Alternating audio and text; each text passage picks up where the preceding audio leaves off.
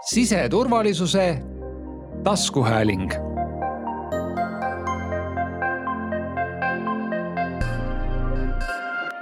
kuulate siseturvalisuse taskuhäälingut ja täna räägime me meie valdkonna IT-arendustest. stuudios on äh, siseministeeriumi varade planeerimise ja tehnoloogia asekantsler Piret Lilleväli. ja lisaks kolm siseministeeriumi IT-arendusüksuse asedirektorit. Mina olen Agne Aia ja vastutan äh, SMIT-i tugivaldkonna eest ja minuga koos on laua taga Einar Laagriküll, kes juhib Äh, baasteenuste valdkonda ja Martti Lung, kes vastutab äh, äriteenuste eest. Lühidalt, mis asi, kes või mis äh, on SMIT, et ilmselt on inimesi, kes seda teavad, aga on väga suur tõenäosus, et on neid, kes ei tea. et nagu ma siis ütlesin, tegemist on siseministeeriumi infotehnoloogia arendusüksusega mis on täiesti eraldi asutus ja meie peamiseks ülesandeks on siis luua ja hallata kõiki neid siseturvalisuse IT-lahendusi ja arendusi, mida kasutavad äh, Politsei- ja Piirivalveamet, Päästeamet, äh, häirekeskus, äh, Sisekaitseakadeemia ja loomulikult siseministeerium ise ja minu esimene küsimus lähebki Piretile, et Piret, miks on üldse siis siseministeeriumil tarvis sellist kolmesaja viiekümne pealist IT-organisatsiooni, kui tegelikult võiks need äh, arendused, mis IT-d puudutavad ju kõik erasektorist sisse osta? Tere, ma arvan, et kõige parem on hakata vastama äh, sellisest lihtsast asjast nagu suurus Eh, kui me vaatame siseministeeriumi valitsemisala ja sellega seotud infosüsteeme, siis tegemist kogu, on kogu riigi veerandi kogu riigi eh, infosüsteemidega, et see juba iseenesest on selline väga suur tükk. ja selge on see, et, et ka teie ostate väga palju SMIT-is sisse teenust, aga, aga kogu selle asja ära organiseerimine kogu selle asja tellijana ka näiteks ähm, selle, selle üle, üleval hoidmine on, on väga-väga suur osa, väga suur ähm, osa IT-st riigis ja on väga keeruline ilmselt seda killustatult teha et kusagil peavad need asjad kõik kokku jooksma, sest hästi oluline on ka kõikide nende infosüsteemide omavahelised seosed. ja lisaks muidugi siseministeeriumi eripära on erilise, eriliselt kõrgetasemeline turvalisus. et need on, need on olulised märksõnad. ja ei tohi unustada, et äh, me ei räägi ainult IT-süsteemidest ja, ja, ja me ei räägi ainult äh, mm, siis info nii-öelda baasidest ja, ja me räägime ju ka sidesüsteemidest meie valdkonnas, mis on ka väga suur osa SMIT-i tööst nii et äh, meil on äh, hästi palju eripärasid ja mul on hästi hea meel, et äh, meil on tugev IT-asutus, me kutsume seda IT-majaks, eks nagu riigis öeldakse, riigi IT-majad. SMIT on suurim riigi IT-maja, kes vastutab nii baasteenuste eest, side eest kui ka IT-süsteemide arendamise eest, nii et meil on hästi-hästi suur valdkond. tõsi ta on, et juba kolmsada viiskümmend inimest on ka Eh, erasektori vaates ikkagi väga palju IT-inimesi ja ja täna me võiksime vabalt eh, ka no umbes kolmkümmend inimest veel lisaks kohe tööle võtta. aga Einar, võib-olla sa natukene räägid kõigepealt sellest, et IT mõistes, mis asi siis siseturvalisuses need baasteenused on, mis sinu valdkonna vastutusse jäävad? tere ka minu poolt, mis on baasteenuses IT-süsteemid, noh, põhimõtteliselt me oleme jaganud ju selle valdkonna niimoodi ära, et. Meil on otse siis vastu äriklienti äh, tehtavad arendus- ja haldustegevused, mida siis veab Marti. Äh, ja tema üksus ja siis on need teenused, mida on vaja selleks, et need äriteenused toimiksid, mis ongi siis sisuliselt äh, arvutitöökohad, baastaristu, erinevad platvormiteenused, ehk et see on kõik, mis on vajalik selleks, et see äriteenus saaks toimida igapäevaselt normaalselt. Pluss siis kõik kliendi toe, tehniku tegevustega seonduv, mis siis toetab kasutajat, lõppkasutajat. et see on see, millega siis minu inimesed toimetavad ja, ja minu valdkond toimetab. noh, seal on ka see side, millest juba Piret rääkis ja erinevad siis jah, ühenduse tekitamised eri asukohtadesse, kogu, kogu see pool. mis see, mis see side on, et täpsusta seda natukene? no side, meie puhul side, noh põhimõtteliselt side on ju siis suhtluse võimaldamine eri osapoolte vahel. meie puhul on, me vaatleme siis kahte asja, kui me räägime sidest ise, siis me tavaliselt räägime äh, häirekeskuses kasutusel olevast üks, üks, kaks teenusest, me räägime Ester raadiosidest, äh, mis on siis äh, lahendus, mis peab töötama iga ilmaga, ka siis, kui Võrus on torm, mida kasutavad siis päästjad, politsei. see on just kriisi vaatest oluline side ehk et me saaksime tagada selle, et abi saab sinna, kuhu ta on parasjagu vajalik saata. ehk et see on see side Ehm, noh jah, samamoodi tegeleme me ka sellega, et äh, me tekitame siis eri asukohtade politsei ekipaažidele ja erinevatele sõiduvahenditele siis äh, andmesidet ka. aga seal me kasutame muidugi äh, siis sideoperaatorite abi, sest me ise otseselt internetti kui sellist ei ehita Eestisse, et, et see ei ole meie, meie siis nagu põhitegevus. tavaline raadiokuulaja ütleks selle peale, et, et miks te mobiiltelefonidega ei helista hea küsimus, vaata mobiiltelefoniga on selline lugu, et sõltuvalt siis asukohast äh, sidemast peab vastu või see mobiiltelefoni jaoks on vajalik siis, et kuskil on see antenniga seade, mis siis seda internetti või seda mobiililevi tegelikult tekitab sul telefonile. see peab vastu elektrikatkestuse, katkestuse puhul sihuke keskmiselt, noh sõltuvalt asukohast sihuke kuni kaksteist tundi. nüüd on küsimus, et kui sul on Võrus torm ja kogu see piirkond on ära blokeeritud, siis ja sa ei saa sinna kohale või sul on puude ees või mingi muu asi sa pead kuidagi tekitama selle sidevõimaluse, et need päästjad saaksid oma, oma siis äh, tööd teha või, või siis organiseerida ja siis me peame tagama millegi, mis on paralleelselt toimiv. mis on oluliselt töökindlam ja, ja tagab selle, et iga ilmaga on võimalik seda tööd organiseerida. et see on see, miks, äh, miks me nagu mobiilsidele ei saa lõpuni lootma jääda. et muidu jah, pikas plaanis ma olen täiesti nõus Äh, noh, puhtteoreetiliselt on võimalik ehitada asju ka hästi töökindlalt, hästi võib-olla läbimõeldult. aga kui me täna vaatame kommerts äh, või ütleme sihuke keskmise äriettevõtte siis toimeloogikat, siis seal võetakse äririske. et teatud asjad, teatud investeeringud ei ole mõistlikud, ehk et see, seal läheb kuskil see peen joon, kus üritatakse siis ärikasumi nimel äh, teatud nurki lõigata. ja kui me nüüd riigina vaatame oma toimeloogikat, siis meil ei ole võimalik seda nurka lõigata seal kohapeal, kuna inimelu lõpuks hakkab mängima. just. Äh, Marti, sinu valdkond on äh, see, kes äh, teeb valmis need lahendused, mis seal selle olemasoleva või selle nii-öelda Einari taristu peal töötavad. et palju neid on või, või, või mis on üldse need, et kuidas, kuidas me teame, et, et kodanik SMIT-iga üldse kokku puutub? Tere minu poolt ka, väga, väga lai küsimus, aga proovime siis sellele ka hakata kuskilt otsast vastama, et äh,. äriteenused tõesti äh, pakume siis kõigile oma haldusala asutustele äh, võimalust arendada ja hallata, üleval hoida infosüsteeme, mida neil oma tööks vaja on. mis see näide on, võtame näiteks isikut tõendavate dokumentide väljaandmise, siis äh, meie äriteenus koosneb siis äh, nii sellest süsteemist, mida kasutatakse seal äh, teenindusbüroos laua taga. sellest süsteemist, mis aitab ID-kaarti ja passi toota, kui sellest äh, veebilahendusest, mille kaudu siis sa saad ise teeninduses minna ja tellida endale selle dokumendi ära. nüüd küsimus, kui palju meil selliseid teenuseid on?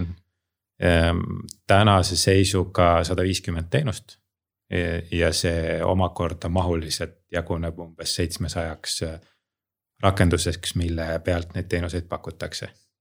kõlab muljetavaldavalt, ilmselt maksab ka palju raha. mis on see, mille peale kõige rohkem raha praegu äh, kulub?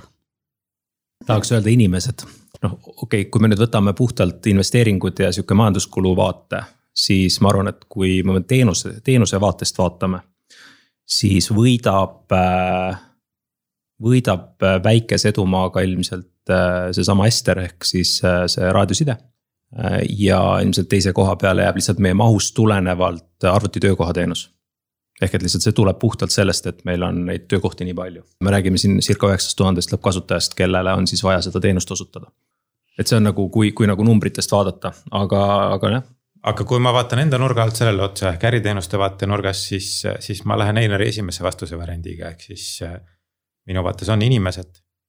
ja, ja tegelikult on siis ka need äh, nii-öelda tulemina hangitavad süsteemid, ehk kui ma ostan mingisuguse äh, arendustöö valmis tuleminaalväljast sisse, siis sinna läheb oluline maht, aga seal taga omakorda on ka inimesed. ja see jaotus jaguneb nii sellepärast, et et tegelikult baasteenused ju tagavad kogu selle riistvara olemasolu, mis on vajalik selleks, et äh, süsteem toimiks, elaks, saaks äh, süsteemid omavahel suhelda. ja, ja minu poolt jääbki sinna üle ehitada peale see süsteem ja seda me inimtööjõuga teeme. just, et äh, eelarve vaates ta tõepoolest ka selliselt on, et kõige suurem maht meie, meie eelarvest kulub tõepoolest äh, inimeste peale, inimestega seotud äh, kuludele. sa, Einar, hakkasid rääkima sellest, et et kuidas mingeid asju ehitatakse, et tänane minu meelest kõige põletavam küsimus siiski tundub IT vallas olevat turvalisus. ja, ja nagu me siin oleme rääkimas sellest siseturvalisusest kui sellisest. et Äh, ja, ja see oli see, millest Piret tegelikult ka alustas, eks ole, et äh, kui oluline on just nimelt hoida ka turvalisuse vaates arendusi ja, ja, ja meie infosüsteeme äh, siis konkreetselt meie enda juures.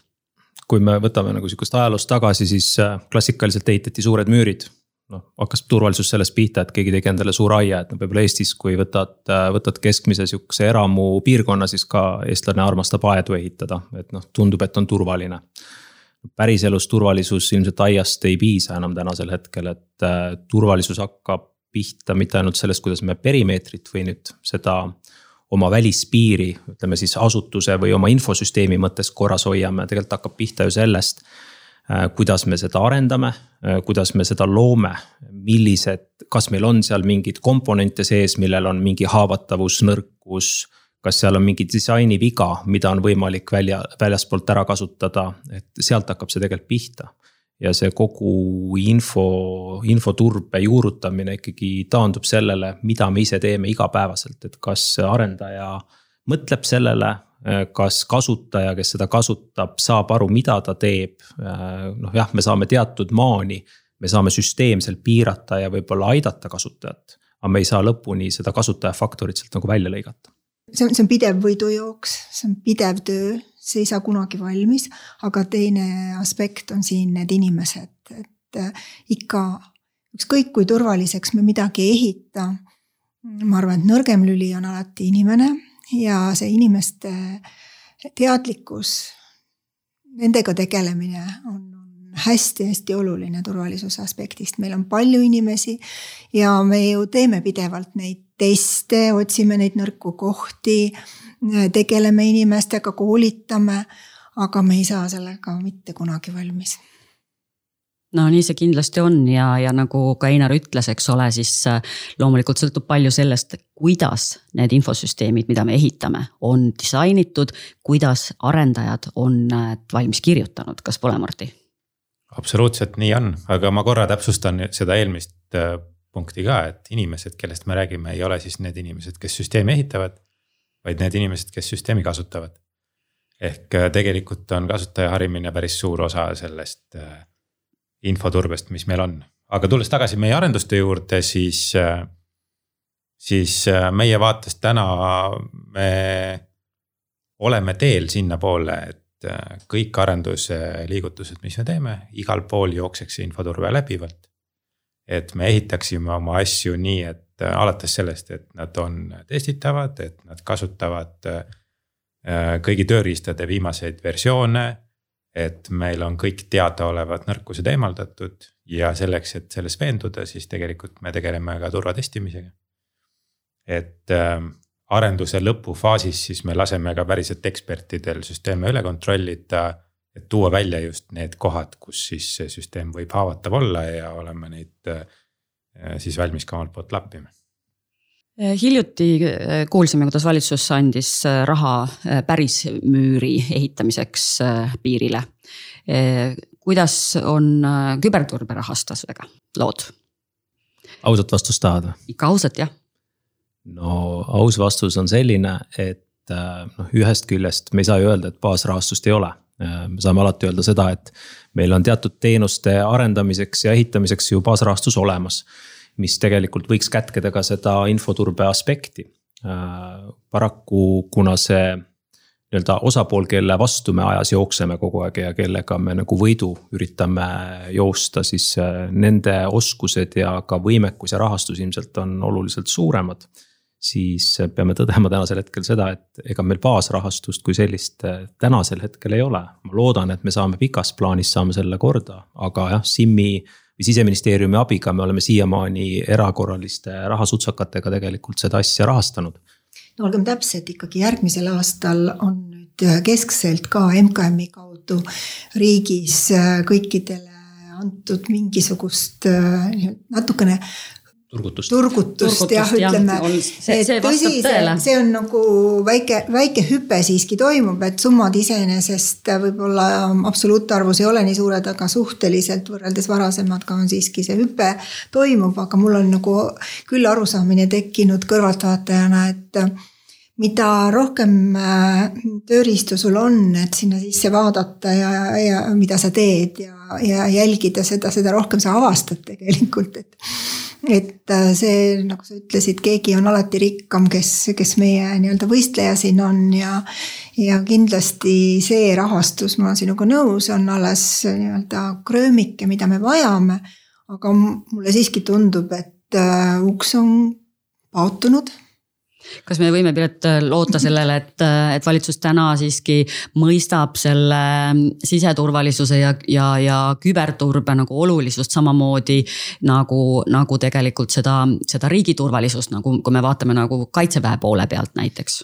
no ma usun küll, et, et see pilk selles mõttes on oluliselt selgem ja avardub, et ja, ja see on möödapääsmatu, sest ma usun, ma, ma, ma ei tahaks seda uskuda, aga, aga pigem kardan, et, et meil ongi see olukord, kus järjest sagenema, järjest hakkavad sagenema igasugused intsidendid, eks, et me elasime ju väga palju aastaid ilma eriliste intsidentideta või vähemalt ohtudeta, eks nüüd järjest rohkem neid kuuleb. ja, ja see nii on, et see hakkab, hakkab sagenema ja, ja et see, see turvalisus on täpselt sama tähtis kui, kui küberturvalisus on sama tähtis kui füüsiline turvalisus just, et äh,. E-riigis. E-riigis just, et me oleme harjunud tõepoolest e-riigis väga paljude erinevate teenustega, mida mitte kõikjal üldse iseenesestmõistetavaks ei peeta, eks ole, et noh, viimane intsident, mida, mida me teame, oli nende eh, Eesti kodanike piltide siis äh, varastamine tegelikult riigi infosüsteemist, eks ole. et Äh, noh, Marti, mis on, mis on need äh, meetmed või, või kuidas, kuidas SMIT-is arendatakse uusi tooteid, teenuseid, et vältida, et sellist olukorda võimalik, või oleks võimalik juhtuda? ja, et ma peaaegu küll vastasin sellele küsimusele juba eelmise vastusega. kuidas me väldime seda olukorda, no ennekõike äh, me harime enda arendajaid. me teeme koostööd väga tugevalt Äh, baasteenuste ja sellesama osakonnaga, kes meil infoturbe eest vastutab ja tegelikult teab väga hästi seda pilti maailmas. kes oskab meile viidata asjade kohta. ja me tegelikult ka testime järjekordselt, ehk siis äh, meil on nii endal töövahendid, millega me saame juba automaatsel või poolautomaatsel kujul tagasisidet süsteemi haavatavuse kohta. ja, ja meil on ka täna võimekus ja ja väga paljudes valdkondades ka rahastus, et tegelikult tellida see turvatestimine väljast ja saada vastus küsimusele, et äh, kas pilte on võimalik varastada või ei ole natukene siiski eeldusena, äh, ma arvan, et äh, on sellist arvamust, et need infosüsteemid, mis riigis täna on, on mitte just kõige uuemad, natukene nagu taakvara, et kuidas sellega tegelikult on? natukene selle... nagu taakvara natukene nagu taakvara ei ole riigi eripära. kui me hakkame sealt nurga alt pihta, siis noh, minu taust ei ole ainult riigi taust, ehk olen ka erasektoris olnud. ja ma võin öelda, et see süsteemide vanuse poolest, arendatavuse poolest, keelte poolest ja töövahendite poolest, mida kasutatakse, ei ole riik kuidagi selles mõttes eriline. Et ka erasektoris väga paljud ettevõtjad, kes on siin pikemalt töötanud, on oma süsteemid ehitanud juba mingi aeg tagasi. ja, ja ükskõik, kas see on avaliku rahastusega või erasektori rahastusega, siis nende pidev väljavahetamine uute vastu on väga kulukas ettevõtmine. ehk ma tegelikult ütleks, et jah, me, meil on natuke tarkvara. me ei ole selles mõttes seisus, kus me ütleme, et ah, see tiigrihüpe oli seal, millal? kakskümmend aastat tagasi, viisteist aastat tagasi. no ikka kakskümmend julgelt. just kakskümmend, et nüüd, et need süsteemid on kõik sealt kahekümne aasta tagused ja midagi arenenud ei ole, see väide oleks täiesti väär. meil on täna pidev lahenduste arendamine peale, kus meie süsteemid täienevad, uuenevad ja me tegelikult seda arendust teeme ikkagi tänapäevastel põhimõtetel ehk äh, arendame väikse rakenduse või API kaupa. Äh, kasutame tänapäevaseid töövahendeid, kasutame tänapäeval äh, laiemalt levinud arenduskeeli. ja, ja sellega just tuleme tagasi sinna, et olemegi seal seisus, et jah, meil on natuke tarkvara. me teadvustame endale, kus kohas see tarkvara on ja tegelikult meil on ka plaani, kuidas sealt väljuda. aga see ei tähenda seda, et see situatsioon oluliselt muutub sest see, mis me kirjutasime täna, on viie aasta pärast uuesti sarnases kohas tagasi, kus meil võib olla äh, teatud probleeme, kas äh, versiooni uuenduste või millegi muuga. ehk ta on pidev töö. see ei ole midagi sellist, mida saab hoogtööna ära teha. me pidevalt sellega tegeleme ja mina ei näe riiki ja Eesti e-riigi süsteeme oluliselt kehvemana, kui ma olen oma varasemas elus näinud. mis on need unikaalsused siis sellisel juhul, mida mida meil SMIT-is tehakse, mida kuskil mujal näiteks ei ole võimalik teha? Miks peaks üks tänane IT-inimene, kellel tõenäoliselt on võimalik valida erinevate organisatsioonide vahel, kuhu tööle minna, tulema seda just tegema meie juurde? see oli mulle küsimus, ma saan aru. see on küsimus äh, sulle, mulle, Einarile. no Marti alustab, ma jätkan ja et seal on mitu aspekti, ma vastan Agne vastuse ära kõigepealt ja Pireti vastuse, mis on see, et, et meil on selge tähendusega töö ehk äh, kõik süsteemid, mida me teeme, on päriselt ka selleks, et meil siseturvalisus äh, suureneks, et me elusid päästa suudaks. ja et meie partnerasutused oma tööd siis saaks väga ilusti teha või, või edukalt teha. aga kui ma vaatan äh, nüüd natuke rohkem enda mätta otsast seda asja, siis see diapasoon tehnilisi lahendusi ja tehnoloogiaid, mis meil majas on ma arvan, et sellist asja on väga vähe et äh, võtame näite, et seesama, ma ei tea, ID-kaardi sertifikaadid ja ID-kaardi tootmise lahendused. või äh, see, kuidas häirekeskus telefoni vastab ja, ja kuidas häirekeskus äh, helistaja ära positsioneerib. või kuidas tegelikult planeeritakse seda, milline tuletõrjeauto kust kohast välja sõidab mingis asukohas oleva väljakutse peale. et see tehnoloogia valik ja see see diapasoon on tõesti lai äh,, oluliselt silmaringi laiendav ja, ja pakub või võiks pakkuda vähemasti kõigile IT-profiiliga inimestele huvi. kas me teeme ka midagi sellist äh, noh, mis on alles valmimises, et no mingid eriliselt põnevad äh, teemad. Siin mõnda aega tagasi oli riigikogus väga suur debatt selle üle, mis puudutab sellist infosüsteemi, mida nimetatakse abiseks see oli ka ainuke mõte, mis mulle kohe pähe tulkas selle küsimuse peale, et, et, et tõesti üks suur valdkond, mida ma nüüd eelmise jutu sees ei maininud, on äh, biomeetria. ehk, äh, ehk lugu sellest, kuidas me äh, hõivame, kuidas ja kuidas me kasutame tegelikult siis inimese näokujutise informatsiooni ja sõrmejälje informatsiooni. ja seda nii isikut tõendavate dokumentide raames, kui, kui tegelikult ka ma ei tea, piiri valvamiseks või siis, või siis hoopis mõne kuriteo lahendamiseks. et tõesti, see lahendus on selgelt ainulaadne ja, ja isegi maailmas ringi vaadates, siis ähm, ka arenduspartneritega suhtlus on andnud nagu selle kindluse, et ega tegelikult meil sellist näidet kohe kuskilt kõrvale võtta ei ole ja kui sa veel võtad ühe huvitava aspekti, siis tegelikult ei tegele me ju ainult mitte siseriiklike infosüsteemidega, vaid me oleme hästi oluliselt ka sees suurtes Euroopa siseturvalisuse võrgustikes oma jupikestega. ehk taga, et tagada siis kogu Schengeni ala ja Euroopa siseturvalisust ja, ja kõik see, et, et see on ka rahvusvaheline koostöö aga tagasi Agne selle esi, esialgse küsimuse juurde, et miks peaks keegi tulema, noh. lõppkokkuvõttes need asjad, mida tehakse, on päris suured. ehk et äh, võiks ju arvata, et noh, riigis, äh, kui suurt asja sa ikka näed, aga. aga samamoodi erasektori taustaga see ütleme, see võimalus tegeleda erineva tehnoloogia kihtidega erinevalt äh, mõjutada Eesti riigi käekäiku, noh, see on päris suur teema, mille pärast. Põhimõtteliselt see on see, miks inimesed meile tulevad ka täna, et, et sa tegelikult saad teha, sa ei pea käima, ütleme, saamas juhiseid kuskil Rootsis oma endise elu nagu näit-, näidet sisse tuues. kus sulle öeldakse, et vot tee siit punktist A punktini B ja vot siis tule raporteeri tagasi.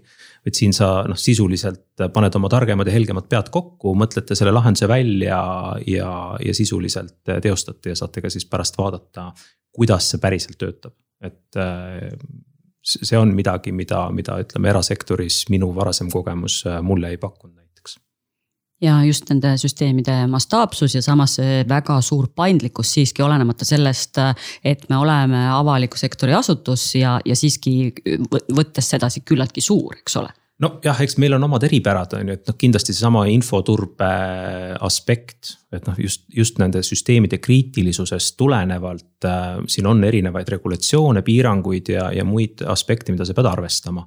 aga see on teisipidi, annab sulle ka selle võimaluse läbi mõelda asju teistmoodi. ehk et äh, ta ei ole ainult see, et kuidas ma rohkem raha teenin, vaid ka see, et kuidas see info säilib äh, turvaliselt, ilma et ta satuks kuskile valesse kohta või et ei oleks haavatav, ühesõnaga, et sul see äh, see detailsuse aste, mida sa ja teemade ring, millega sa saad tegeleda, on teisest küljest ka päris, päris lai ja põnev. ehk noh, ma ütlen, ta on, ta võib olla ahistav mingis kontekstis, et noh, me ei lähe Amazoni või või äh, mingisugusesse Google'i pilve kohe tänasel hetkel oma tehnoloogiaga just sellesama info sensitiivsuse pärast. mis tähendab siis seda, et me peame ise ehitama teatud asjad, me peame ise mõtlema sellele, kuidas ma tea, seda taristut teha võimalikult automaatselt, kuidas kasutada maailmas olemasolevaid tehnoloogiaid nii paindlikult ja nii hästi, et need asjad töötaksid nagu kellavärk, et äh, noh. no aga miks me, miks me ei lähe sinna Amazoni pilve siis? püüa selgitada seda küsimus on selles, et kes seal pilves veel on. et kuidas ma tean, et põhimõtteliselt. mis see pilv üldse on, kuidas no, see pilv jah, üldse pilv, on moodustunud? pilv sisuliselt on kellegi teise arvuti. Või kellegi teise server, ta ei ole, ta ei ole mingi abstraktne keha kuskil maa ja taeva vahel. ta on mingi serverkeskus äh, mingisugusel territooriumil X, noh loodetavasti Euroopas äh, küsimus on see, et kas need teenused, mis seal veel jooksevad, on sama turvalised, kas me teame, kes seal toimetab, kas me teame, kes saab sinu andmete või meie andmetele ligi see hetk. Et noh, kui ma oleksin äh, erasektori vaatest ja ma arvan, et enamus asju mul jookseks samamoodi Euroopa pilvepakkuja lahenduse peal, silm ka ei pilguks. aga kui ma mõtlen sellele, et me riigina peame tagama siseturvalisuse nagu toimimise, pluss me peame tagama riigi jätkusuutlikkust siis äh, selle koha peal hakkavad äh, need küsimärgid tekkima et jah, kui me lahendame ära teatud küsimused turbe vaates, siis on see võimalik teatud andmetele, teatud infosüsteemidele, aga mitte kõigele. Toimepidevus sinna juurde samamoodi no,. toimepidevus on nagunii, et isegi kui mul on midagi Euroopa pilves, siis äh, ma pean ju tagama ka selle, et selle sama suure tormi käigus või mingi muu sündmuse käigus äh, pääste ja politsei saab oma asju teha. et ma ei saa, ma ei saa loota sellele, et kuskil Euroopas andmekeskus töötab või ei tööta mm. -hmm just ja nagu siin eelnevalt juttu oli, eks ole, siis äh, Euroopa Liidu süsteemid samamoodi, eks ole, kogu see info, mis, mis siis nagu puudutab tegelikult siis teisi liikmesriike ja nende kodanikke mm. -hmm. et äh, aga selle turbe juures äh,, Marti, kuidas äh, see seis täna nende inimeste tulemisega siis äh, on, et äh, lisaks sellele, et meil süsteemid peavad turvalised olema, siis on meil võimalik tööle võtta ka põhimõtteliselt ainult Eesti inimesi ja see on täiesti kardinaalselt erinev sellest, kuidas teised IT-organisatsioonid ja kust nad endale täna inimesi värbavad. nii ta on täna me seal maailmas oleme, kus, kus tegelikult ju meie rakendustesse ja meie süsteemidesse on väga palju kirjutatud sisse seda loogikat, kuidas töötab politsei, kuidas töötab piir, kuidas töötavad rahvusvahelised piiri valvamise kokkulepped ja süsteemid.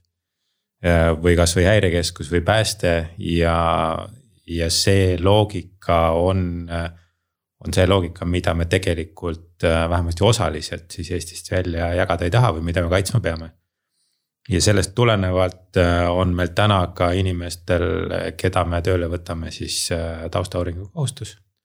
ja taustauuringut me tänases seisus äh, saame teha inimestele, kes on Eesti kodanikud mm. -hmm. Ja nüüd küsimus, kust nad tulevad ma pean tunnistama, et, et, et kui nagu, kui nagu startup'ide värbajatele rääkida sellest, et, et me siin päriselt värbame IT-s ainult põhimõtteliselt Eesti inimesi, siis nad vaatavad meid sellise näoga nagu me valetaks või oleks teiselt planeedilt või midagi muud sarnast.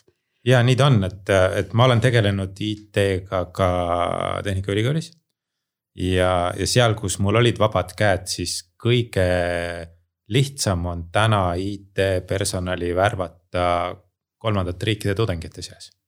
ja see on see võimalus, mida, mida me kindlasti antud kontekstis kasutada ei saa, sest et. aga mingil määral me siin... võiksime ikkagi arutada ja kaaluda, meil peaks Euroopa Liidu kodanike värbamine siiski võimalik mingil määral olema.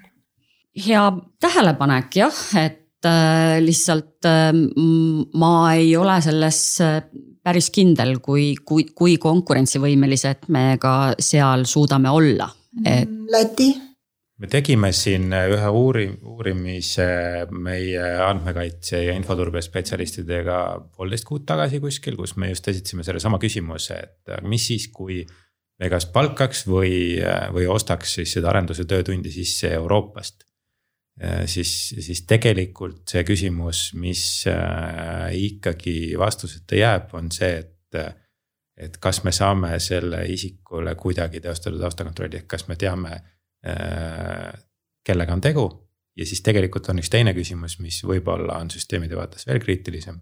ehk kui mul on intsident, siis kas ma olen suuteline leidma selle isiku või need isikud üles kes selle süsteemi ehitasid, juhul kui ma olen tegelikult ka ise päriselt hädas. ja kui mul siin on, ma ei tea, Küprose arendaja, keda ma kuskilt ei suuda tuua kriisi lahendama, siis, siis tegelikult meil on väga raske olukord. et täna me ikkagi Eestis suuremate kriiside puhul, isegi kui need inimesed enam meie majas ei tööta. siis me tegelikult oleme suutelised neid inimesi endale appi paluma ja kuna valdkond on selline, nagu ta on, siis need inimesed on ka üldjuhul olnud valmis appi tulema, et et siis oma nagu nii-öelda eelnevaid tööülesandeid täita või tagada, et asjad toimiks. aga see ilmselt ei äh, nagu, ütleme, et see on ilmselt erineva süsteemi puhul erinev, et kui sa räägid mingisugusest äh, info või sellest dokumendiregistrist, et noh, et see on nagu ühe kategooriaga teema ja teine on sul päästeameti või, või politsei mingi süsteem või? Ja noh, ärgem unustagem, ärgem unustagem, et, et nii mõnegi süsteemi puhul on, on vaja meil töötavatel inimestel ka riigisaladuse loa taotlemist no need on nüüd väga spetsiifilised süsteemid just. sest noh, kui me võtame nagu, et okei okay,, üks asi on see tarkvaraarenduse pool, aga kui me võtame platvormid ja, ja see, mis minu inimesed toimetavad igapäevaselt, siis seal on ju väga palju sellisi komponente, mida noh, mida Eestis ju tegelikult keegi ei arendagi. ehk et sa saadki selle tarkvara paketina on see siis Microsofti poolt loodud või kellegi mm. teise poolt loodud. ja, ja ega seal ei ole ju seda arendajat võimalik siia saada sel hetkel, kui sul see häda käes on, et seal sa samamoodi pead toimetama ja hakkama saama, lihtsalt seal on. Need paketid on võib-olla standardsemad, on ju, et see on võib-olla selle eripära siis no ma usun, et kõik on ju erinevad, ka, ka rollid on erinevad, et kindlasti peaks nagu vaatama nende rollide sisse, kus on võimalik kasutada, ma ei tea. kindlasti kuskil saab. noorem arendajaid no jaa, aga see on, ütleme organisatsiooni mõttes, et kui sa ei võta just äh, partnerina tööd, et äh, või no ütleme, sa ei osta seda tööd lihtsalt sisse, kui sa tahad inimest nagu tööle võtta, siis äh, varasema kogemuse pealt samamoodi. küsimus on ju selles, kuidas sul see organisatsiooni toime, toimekeel on, dokument, kuidas sa seda inimest integreerid oma sellesse töökeskkonda. kui sa oled algusest peale kogu oma selle asutuse loonud või ettevõtte loonud niimoodi, et sa arvestadki, et sul on, on eri, eri rahvusest, eri keeltega, räägimegi inglise keeles, kõik dokumendid on inglise keeles siis see on üks lähenemine, aga kui sul on riigiasutusena öeldakse, et kõik dokumendid peavad eesti keeles olema, siis mis teed siis? hakkad äh, nüüd punktil üks, hakkad siis kõike sise, siseportaali uudiseid ka tõlkima inglise keelde või, või mis, mis see lahendus on? organisatsiooni kujundamise vaates on see kindlasti väga-väga suur äh, muutus, nõuab äh, ilmselgelt palju panustamist ja ma noh, pelgan, et ka palju rahalist ressurssi, et et, et praegu meie inimesed on mm, tegelikult seda välja toonud, et et, et nende jaoks on ka see oluline, et nad, et nad saavad sellises erilises keskkonnas töötada, e, eriti just IT, IT-valdkonnas, eks ole, et, et tulla ja, ja, ja ka igapäevaselt näiteks eesti keeles tööalaselt suhelda. nii et, et neid pigem nagu ka nähakse selliste positiivsete aspektidena, kuigi loomulikult ega siis tuleb, lõpuks peame ka meie ajaga kaasas käima ja, ja tegema muutusi, mis esialgu võib-olla ka natukene hirmutavad tunduvad. aga nende pikkade perspektiividega seoses ähm, võiksime natukene rääkida sellest, et äh, teadupärast riigis äh, uute mingite lahenduste väljatöötamiseks üleüldiselt äh, on vaja läbi teha keeruline protsess. üldjuhul on see riigihange. et Äh, kui palju meie oma arendustes äh, seda kasutame ja, ja missugust äh, siis missugust lahendust me siis riigihankega sisse ostame, sa Martti enne mainisid ka seda natukene kas ma võin seda küsimust natuke laiemaks tõmmata? ja, ja, ja muidugi. et, et mulle tundus, et meie eelmises jutus hakkas natukene tulema ka vastust küsimusele, mida meile väga sageli esitatakse et miks te, miks teil on nii suur see SMIT, miks te nii palju ise oma majas teete? et miks te, miks te kõike ei osta väljast sisse terviklahendustena, et ma, ma tõmbaksin sinna veel natuke seda juurde ka, et mm. -hmm. et mhm. üks põhjus oli just see, et meil on kõik see hästi turvaline toimepidevus, mida me peame tagama ka siis, kui neid firmasid, kes midagi on juba teinud, enam ei ole olemas ja nii edasi, aga. ja, kummast otsast me nüüd alustame, et äh, alustame sellest hankimise otsast tõesti, nii on, et, et kõik, ähm, mida me majas sees teha ei suuda, ei ole võimelised, äh, ei oska, ei ole aega, kõik selle me peame ostma väljast sisse ja ainuke viis siis riigiasutusena väljast sisse osta on riigihange. üldisel juhul meie toimemudel on selline, et, äh, et meil on oma äh, teenuste ja süsteemide jaoks oma arendustiimid. arendustiime täna kolmkümmend üks tükki, kelle peale siis teenused laiali jagatud on. ja, ja hangime me ennekõike siis äh, nii-öelda teadmiste või ressursi täiendust nende tiimide jaoks, ehk me hangime kas üksikuid inimesi või või lisajõudu siis meie enda arendustiimidele, et nad oleks suutelised siis päriselt neid meie arendusülesandeid lahendama. nüüd enne korra käisime läbi ka selle variandi, et hankida tulemit et tõesti, meil on mõningased juhud, kus me teame, et meil kas omal tiimi ei ole. või rahastusmeede nõuab seda, et me tegelikult siis kasutaksime erasektorit kogu lahenduse tegemise jaoks. siis meil on ka näiteid majas, kus me oleme ostnud tulemi, mis on valmis klõts sisuliselt. ja mille me saame oma pusle sisse panna nii, et ta meile sinna väga hästi istub ja see hankimine tegelikult kehtib ka siis kõigi nende toodete puhul, millest Einar juba enne rääkis, et sellel hetkel, kui me karbitoote ostame, siis tegelikult ka karbitoote puhul me loomulikult peame riigihanke protsessi läbima. Leidma Eestist selle partneri või, või tegelikult mitte Eestist. mitte leidma... Eestist, et me tegelikult teeme ka üle. just, rahvusvahelise, et ja. leidma ka rahvusvaheliselt selle partneri, kes on suuteline meile siis selle karbitoote tarnima ja, ja eeldatavasti ka partneri, kes on siis suuteline pärast sinna seda nii-öelda tarkvarakindlustust äh, peale pakkuma. nüüd see teine pool, kus see, kus Piret seda juttu laiendas, siis minu vaade sellele on, äh, on suhteliselt lihtne, et selleks, et me saaksime üldse väljast midagi osta.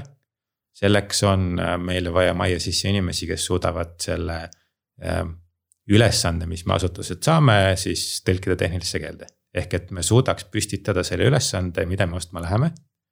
ja nüüd, kui me oleme selle ülesande püstitanud ja, ja hanke teinud ja selle töö saanud, siis äh, minul on omakorda vaja inimesi, kes on suutelised kontrollima, et see töö tulem siis tegelikult äh, vastab sellele, nendele nõuetele või kes on valmis vastu võtma selle.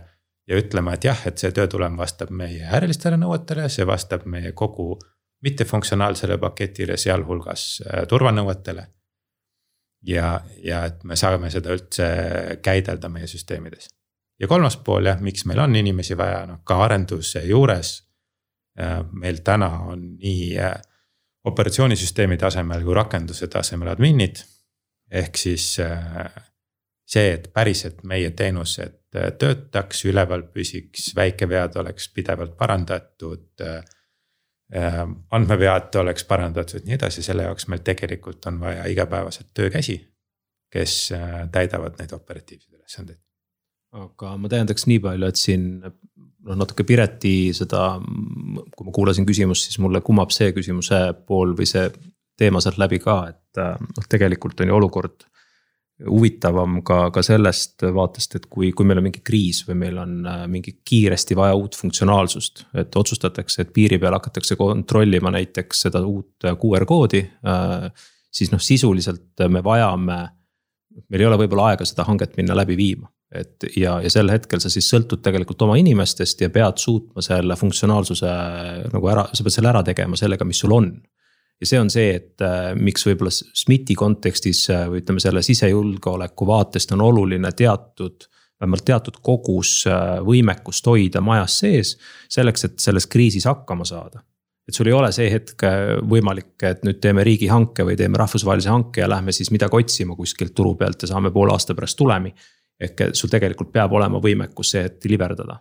et see on see, mis minu jaoks seal nagu. nii on ja see on see põhjus, miks me kombineerime seda, et me ei taha olla ainult see tark tellija, kes äh, suudab tellida, vastu võtta ja jooksutada süsteeme, vaid tegelikult me tahame siis olla ka seal see, kes äh, täidab ära need ülesanded, mille puhul me ei saa või, või mille puhul on näiteks, ma ei tea, ajakriitiline, et hanget läbi viia ei saa, väljast osta ei saa et me saaksime oma süsteemid äh, siis ka sellisel juhul töösse panna. Siin võib kohe vist kuulajale öelda, et meil on neid süsteeme, mis peavad kakskümmend neli seitse kogu aeg püsti olema. kakskümmend neli. kakskümmend seitse, aga noh. just, et äh, need on kriitilised süsteemid, mis ei tohi mitte kunagi maha kukkuda, jah. noh kokkuleppe järgi seal on teatud ajaaken, mida, mida nad võivad olla, aga jah, põhimõtteliselt peab olema disain ja lahendus hästi lühikene, et sul põhimõtteliselt on ikkagi ootus, et ta kogu aeg toimib. Ja seal on ka hästi lühikene see arenduse tsükkel, et kui ma vaatan seda enda mätta otsast, siis, siis hästi lihtne näide, et kui äh, valitsuse määrus kehtestab, et järgmisest nädalast on vaja politseinikel tänaval kontrollida äh, siis selle koroonapassi olemasolu siis äh, tegelikult peab ka politsei kasutuses olevas seadmes see võimekus eksisteerima selleks hetkeks.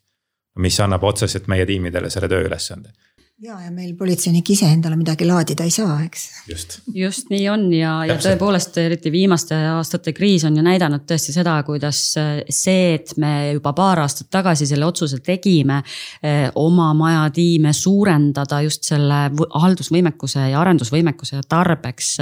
siis eh, noh, nagu sa ütlesid, et see, see otsus tuli valitsuselt vist nädala keskel ja järgmise nädala esmaspäevaks pidi see valmis olema, et, et see tähendab seda, et sa tõepoolest saadki ainult lahendada selliseid asju oma inimestega, kes töötavad siiski kakskümmend, siis kakskümmend neli seitse selliste asjade kallal ja mul tuleb meelde teine näide veel, kui otsustati lõunapiiri kontrollima hakata, eks. no see on täpselt sama teema, et me ei räägi, jah, me ei räägi, me ei räägi ainult on ju arendustegevusest, mis peab sul endal olema see kriitiline võimekus olemas, et noh, meil samamoodi noh, tehnikuteenus on ju põhimõtteliselt, mida me siis samamoodi samal põhjusel.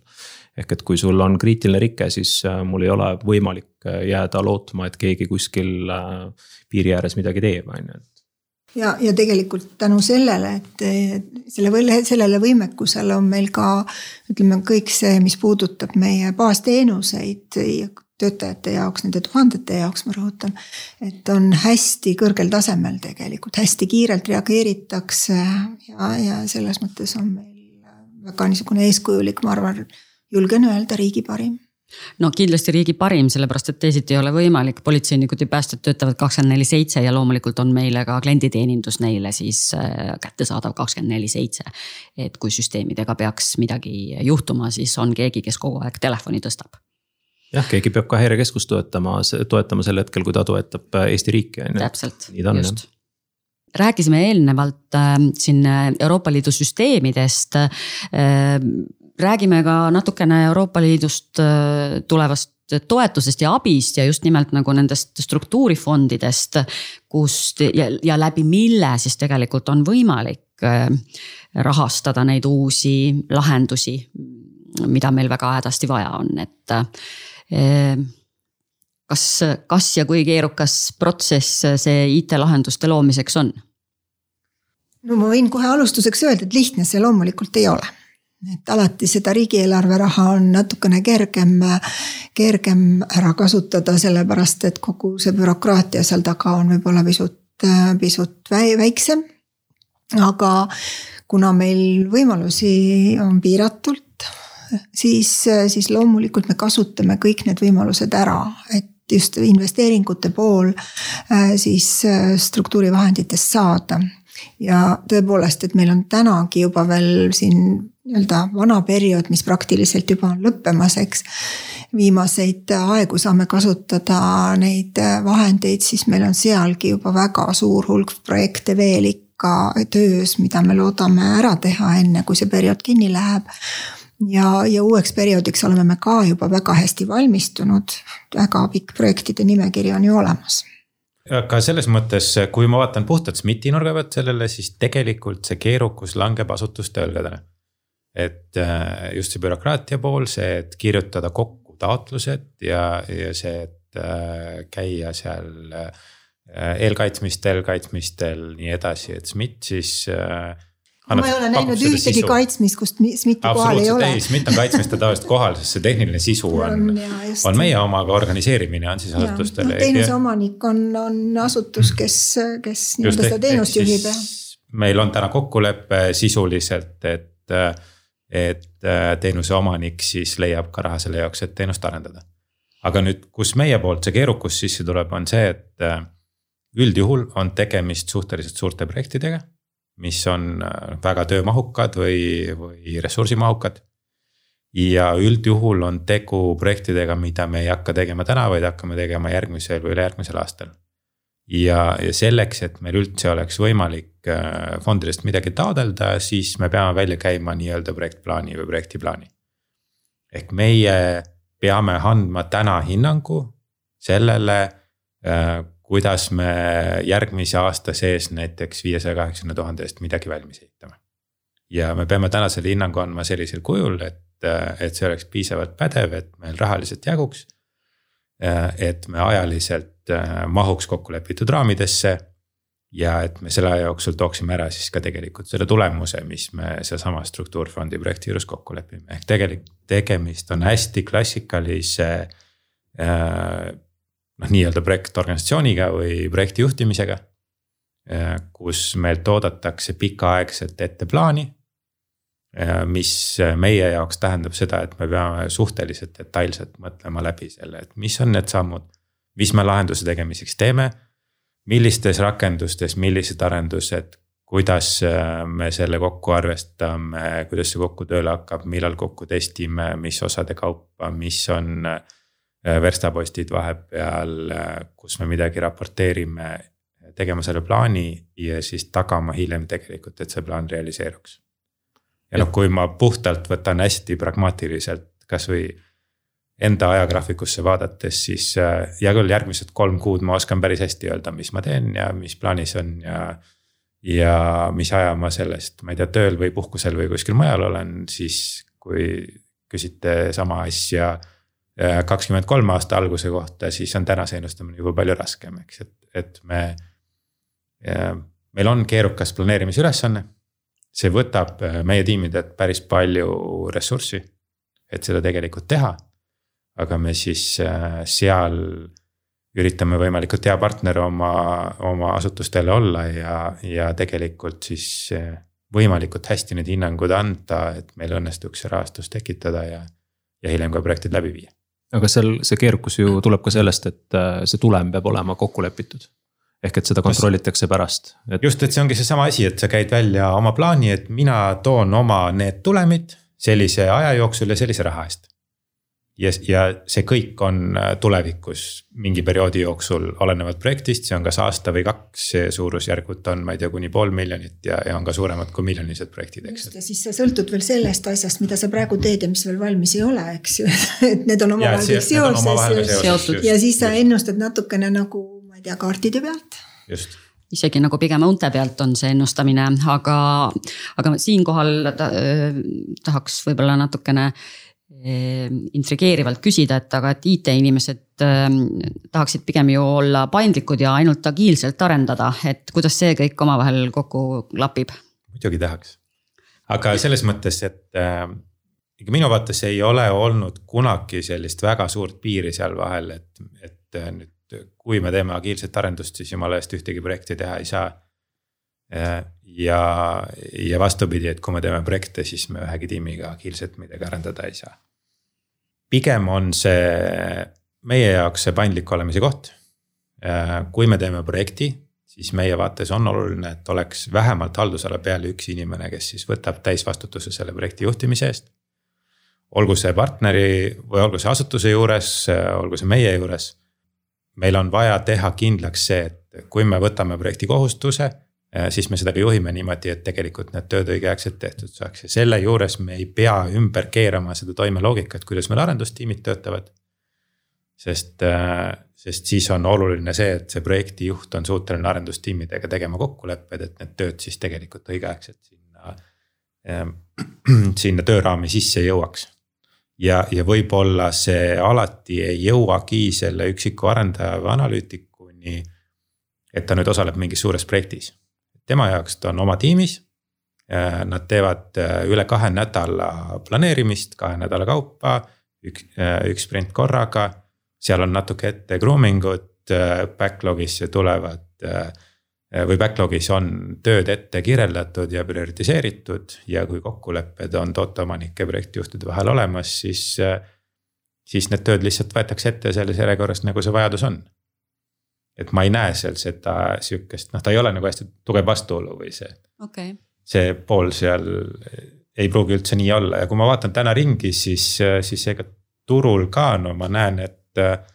et ka eraettevõtted ju käituvad vastavalt vajadusele, et. Et ma ei tea, näited, mida mina lihtsalt olen näinud, noh, ma näen, et Telia, kes vahepeal projektijuhtidest loobus, siis täna projektijuhte palkab uuesti, et selge on see, et suured asjad tehtud ei saa Nortalis sama.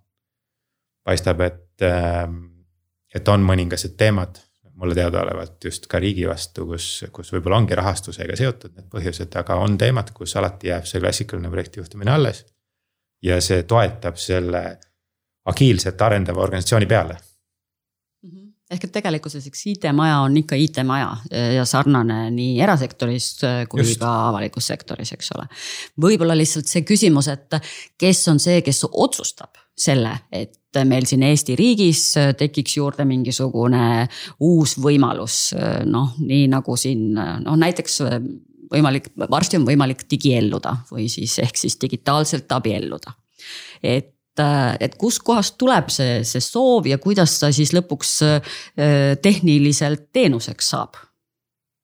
kui meil sellised äh, teenuse muutused tulevad ja ütleme, see digiabiellumine on kindlasti täiesti uus lähenemine, eks, et see ju kõik algab tegelikult seadusandlusest.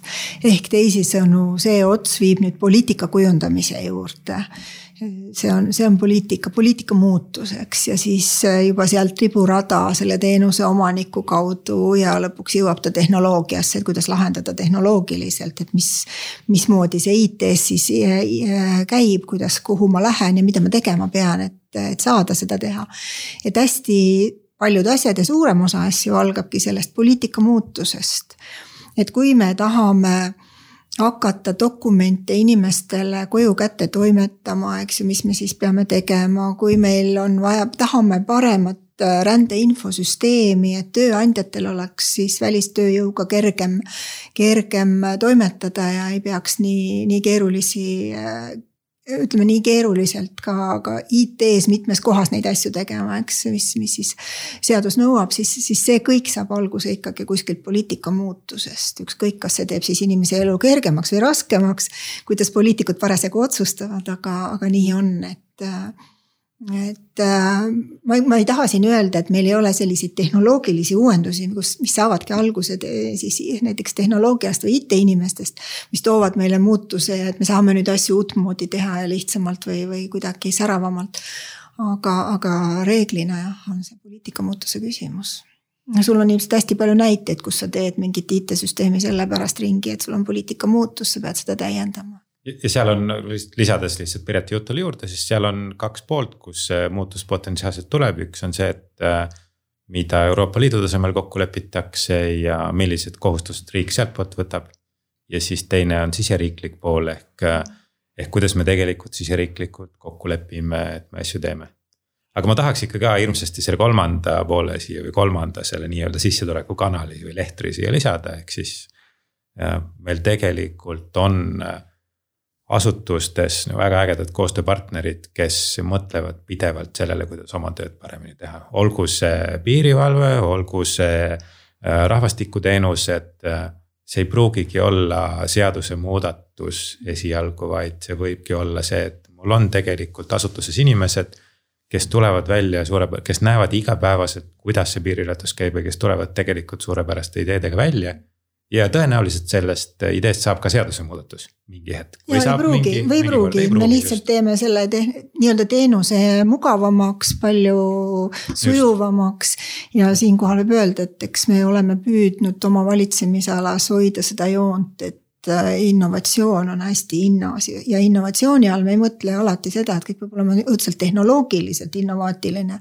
sellega ei jõuagi nagu kogu aeg mhm. võidu joosta, vaid see muudatus võib olla lihtsalt käitumuslik, eks ju, et kuidagi teistmoodi tehakse asju ja, ja võib-olla väike IT-lahendus siia mitte väga suur ja, ja, ja, ja toimubki midagi täiesti pare-, palju paremini just, elu võib hakata täiesti teistpidi käima, eks ole. või ütleme sama asi, et noh, võib-olla küll paljud inimesed kurdavad, et et PPA paneb kinni oma, oma siis teenindussaale. teenus, teenindussaale, aga tegelikult on samal ajal nügitud inimesi ja tehtud kõik võimalikuks, et nad saaksid hästi mugavalt oma dokumente ka, ka taodelda siis digitaalselt, kellel vähegi on suutlikkus seda teha ja, ja sinna juurde, kui lähiajal tuleb ka dokumentide kättetoimetamine, no siis on veel eriti mugav, et need on kõik sellised, sellised väikesed mugavused, mida, mille peale kogu aeg meie valitsemisalas mõeldakse ja, ja loomulikult siis on siis see SMIT-i käsi, kes, kes peab need mugavused ka, ka tegema digitaalselt võimalikuks siis jah, aga siia võib-olla vastukaaluks üks näide sellest, kuidas me eh, partneritega pigem oleme nagu tulnud välja ühe tehnilise lahendusega, mis eh, on väga uudne, aga mida siis kasutajad nii-öelda või siis kodanikud ei ole üldse mitte nii hästi omaks võtnud, ehk et ma räägin siin abc väravatest. Mõni aeg tagasi piiri peal oli meil sellest just ka juttu, et Äh, inimesed äh, pigem ei kasuta seda võimalust. et äh, tegemist on uue asjaga, ilmselt ei ole me nagu piisavalt seda kommunikatsiooni sinna taha teinud. ehk et oleme loonud võimaluse, mis siis võimaldab tegelikult just nimelt piirivalve vaates tööjõudu kuskile mujale suunata. ehk et inimesed saaksid seda ise teha, aga see ei ole juurdunud võib-olla see on natuke aja küsimus ka, et ma toon siia paralleeli, et kui mina lähen täna oma kodupoodi, milleks on üks Rimi, siis äh, viimasel ajal on seal seis, kus iseteeninduskassa järjekord on selgelt pikem kui äh, teenindajaga kassa järjekord. et inimesed on harjunud ära sellega, et sul on see iseteenindusvõimalus ja sa teed ise kiiresti ära ja lähed minema ja, ja nii on, et võib-olla see abc väravad siis Eesti piiril tõesti on nagu. on piisavalt uus lahendus, samas noh, mina enda seisukohalt ütlen, et igal pool Euroopas, kus ma neid erinevaid väravaid näinud olen, siis ma ikka olen proovinud neid Eesti passiga kasutada, et mm. -hmm. et saada aru, kuidas see töötab, erandiks on muidugi olnud see, kui mina eestlasena lähen Euroopas reisima ja mul passi kaasas ei ole, vaid on ID-kaart, siis siis väravate kasutamine üldjuhul ei, võimalik ei, ei ole. ole jah. ja mm -hmm. no see ongi see, et sa natukene nagu hirmu, et kuidas saab, kas saab ja näiteks mina, minul on ikkagi veel nagu mälus need ajad, kui kõik need aparaadid töötasid halvasti ja sa jäid kuskile vahele kinni ja nii edasi. ja ma tahtsin just lisada siia selle ka, et ega täna me tegelikult ju nende automaatsete piirikontrolli väravatega oleme seal, kus me optimeerime äh, erinevate Euroopa riikide äh, passide siis nende turvaelementide lugemist. et tegelikult see, see õnnestunud protsessi täitmise määr siis suureneks ja see ütleks, et viimase kolme kuu jooksul on oluliselt suurenenud aga meil on veel arenemisruumi, et kui me siin mõni aeg tagasi piiril küsisime, siis suures plaanis iga neljas ikkagi kipub mingil põhjusel ebaõnnestuma, olgu see siis isikukäsitus või, või äh, pass, mida, mille vastu me veel optimeerinud ei ole, eks, või noh, riigi dokument, mille vastu me optimeerinud ei ole. Tead, siin on see ka, et kui meil ei ole ilmselt ikka seal piiri, piirikontrollis piisavalt pikka järjekorda, et kui see piisavalt pikk järjekord tuleb, küllap siis otsib inimene teist lahendust rohkem. et võib-olla need väravad tulid juba selle koroonakriisi ajal. ma tahtsin just sedasama öelda, et, et võib-olla on tegelikult asi üldse selles, et inimesed reisivad täna nii vähe, et et, et see ei ole kuidagi nagu veel teadvusesse jõudnud ja, ja kui sa seda esimest korda näed ja sul on võimalik sinna, sinna piirivalvuri juurde füüsiliselt ikkagi minna, siis, siis sa seda teed, eks. kui seal on neli-viis inimest, pole probleemi, on ju, et aga kui seal on nelikümmend, viiskümmend, siis hakkad otsima lahendusi. ei no kui ühe korra proovid, siis harjud ära et äh, ja, ja, ja kui see on hea, hea kogemus, on ju, noh, samamoodi kui sa seda check-in'i lennujaamas mõtled, et äh, kui palju viitsib sinna koha peale minna, kui vähegi on võimalik ise kodust ära teha, siis no miks ma lähen sinna seisma mingisugune oluliselt vara, varasemal ajal kohale, et noh, pigem ma kasutan seda automaatvõimalust. et aga siin ilmselt samamoodi, et üks asi on saabetse värav, on ju, teine, teine küsimus on see, et kas äh, kuidagi on võimalik veel mugavamaks teha läbi mingite äppide või mingite muude lahenduste, aga noh, eks see on siis innovatsiooni küsimus, kuidas me seda protsessi saame optimeerida veel, veel paremaks, on ju. Need on eks tuleviku küsimused, et, et kuidas ma saan juba mobiilis teha pool asja ära tegelikult eh, eesmärk on ju see, et sa jah, automaatselt saaks niimoodi, et sa ei pea ise ühtegi liigutust tegema, et äh, sul on see sündmusteenus või, või kuidas iganes seda MKM nimetab, on ju, et, et sa, et sul. noh, sisuliselt võiks, ma, ma ei taha see registreerida ennast, et mul oli endal hea kogemus, sai käidud ühes perearstikeskuses äh, tehti uuringut, et kuidas oma mingit IT-lahendust siis optimeerida. Ja ka muudkui jaurasid selle üle, et, et noh, et kus ma siis peaksin võtma oma mingi äpi ja siis seal midagi tegema ja noh, siis seletasin ka, et kuule, saage aru, et mul neid äppe on nagu, mul on neid üle pea, mul on neid nagu päris palju. et miks ma peaksin teie äppi tahtma kasutada, palun tehke nii, et ma ei peaks seda lahti võtma, et noh, mingi retsepti pikendus näiteks, kui te teate, et mul on seda ravimit vaja, miks ma pean seda kinnitama ja tellima palun tehke see automaatselt ja andke mulle teada, et see nüüd on pikendatud. ja ma lähen siis apteeki, mitte see, et ma pean minema kuskile äppi tegema mingid klikid ja siis äh, keegi seal teisel poole peal klikib vastu ja siis, siis hakkab hea. et noh, sisuliselt see on protsessi küsimus ainult, et kuidas me ise optimeerime oma protsessi kas sa ei äh, arva, et äh, tegelikult siiski on päris suur hulk inimesi, kes ei taha, et riik nende eest kogu aeg kõiki asju teeks? aga see siis ei kasuta. no aga siis anna mulle valikuvõimalus. Okay.. et ja, äh, ja. ma nõustun, et ma tahan ise seda teha ja noh, jumala eest tee siis ise, on ju. Et aga, aga ma ei taha, ma, ma tahaksin, suhteliselt tüütu on, mul on vaja iga kahe kuu tagant perearstile kirjutada jälle kiri, et kuule, ole hea, tee pikendus ta päriselt teab, et kui ta noh, mult selle ravimi maha võtab, siis noh, siis ta võtab, on ju, aga noh.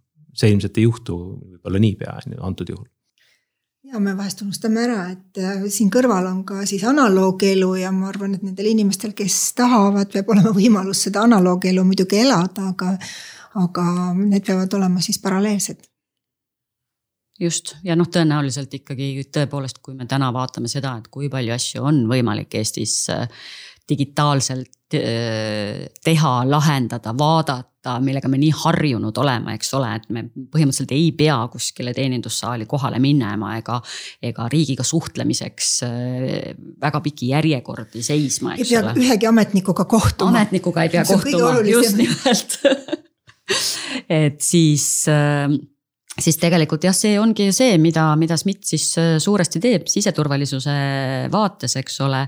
ja, ja noh, ei saa siiski ütlemata jätta, et meie majas on, on ka see süsteem, mida kasutavad kõik ülejäänud äh, lahendused, mis võimaldavad erinevaid IT teenuseid tarbida ja selleks on rahvastikuregister e. e-riigi süda. nii on. kuidas selle südame tervis hetkel on, Martti? südame tervisega on väga hästi, selles mõttes, et ähm, rahvastikuregister siis tõesti on sihukene, ütleme erandlik arendusosakond minu vaates ka. et ähm, me pakume sellist teenust, mida kasutavad tõesti siis kõik Eesti e-riigi teenused, mida meie teame ja siis veel väljapoole terve hulk andmevahetust. ja, ja selle juures me peame siis tagama, et meil päriselt ka oleks kodanikuandmed korrektsed ja, ja kõik, kõik seosed, mis me oleme sellega teinud ka korrektsed ja noh, võib-olla siis äh, ma ei teagi, kuidas seda tervist nüüd niimoodi hinnata, et äh, meil oli hiljuti üks äh, kohalike omavalitsuste valimise protsess, et äh, kes ei tea, siis taustaks äh, näiteks rahvastikuregistrist pärinevad siis kõik äh, valimisnimekirjad, mille alusel inimesed äh, valima pääsevad ja mille alusel nad regioonidesse määratakse.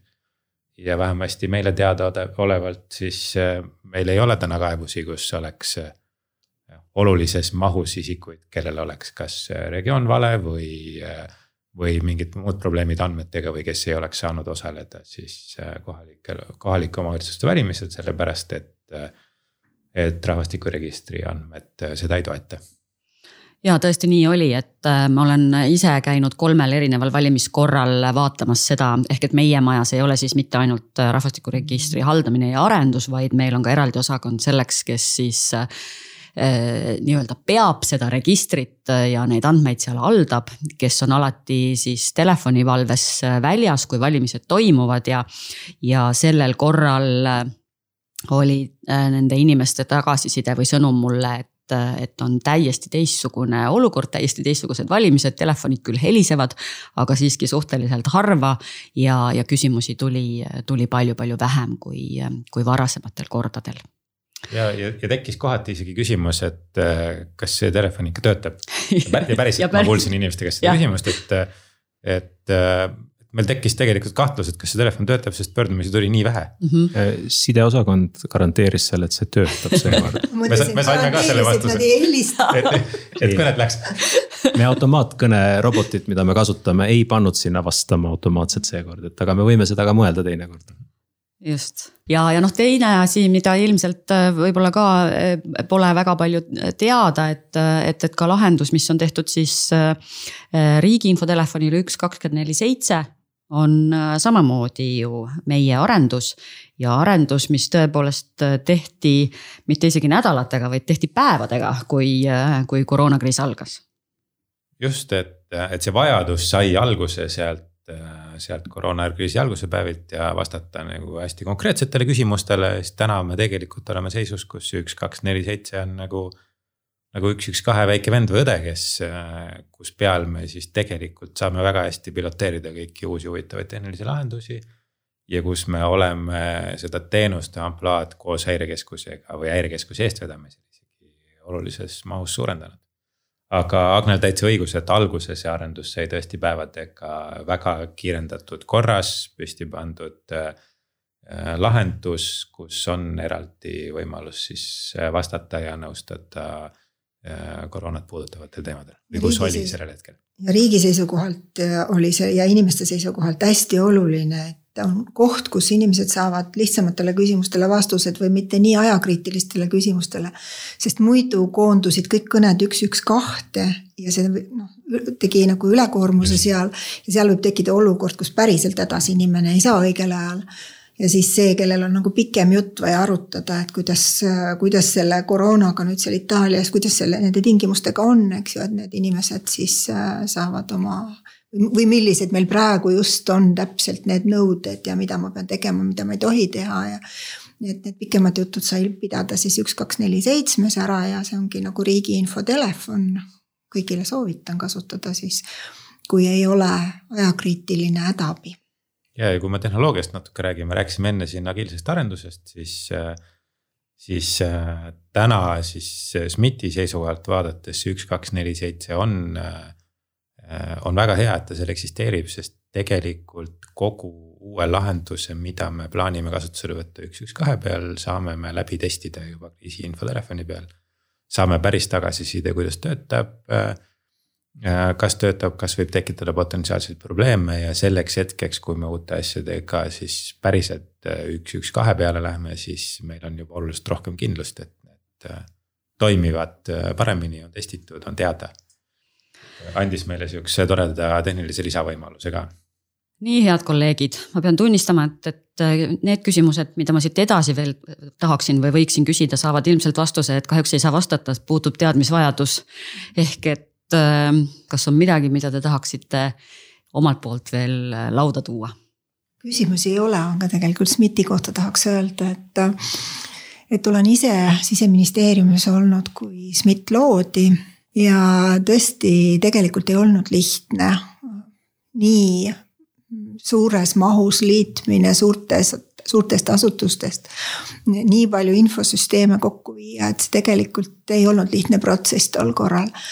tänaseks võib sellega nagu väga rahul olla, et äh, ma arvan, et me ei kujutaks keegi endale ette, et igaüks peaks kõike seda põlve otsas ise tegema ja mõtlema kõike eraldi läbi, igaüks äh, jalgratast leiutama, et meil on ikkagi äh, kompetentsikeskus, kus lahendatakse keerulised ja ka vähem keerulised kõik küsimused.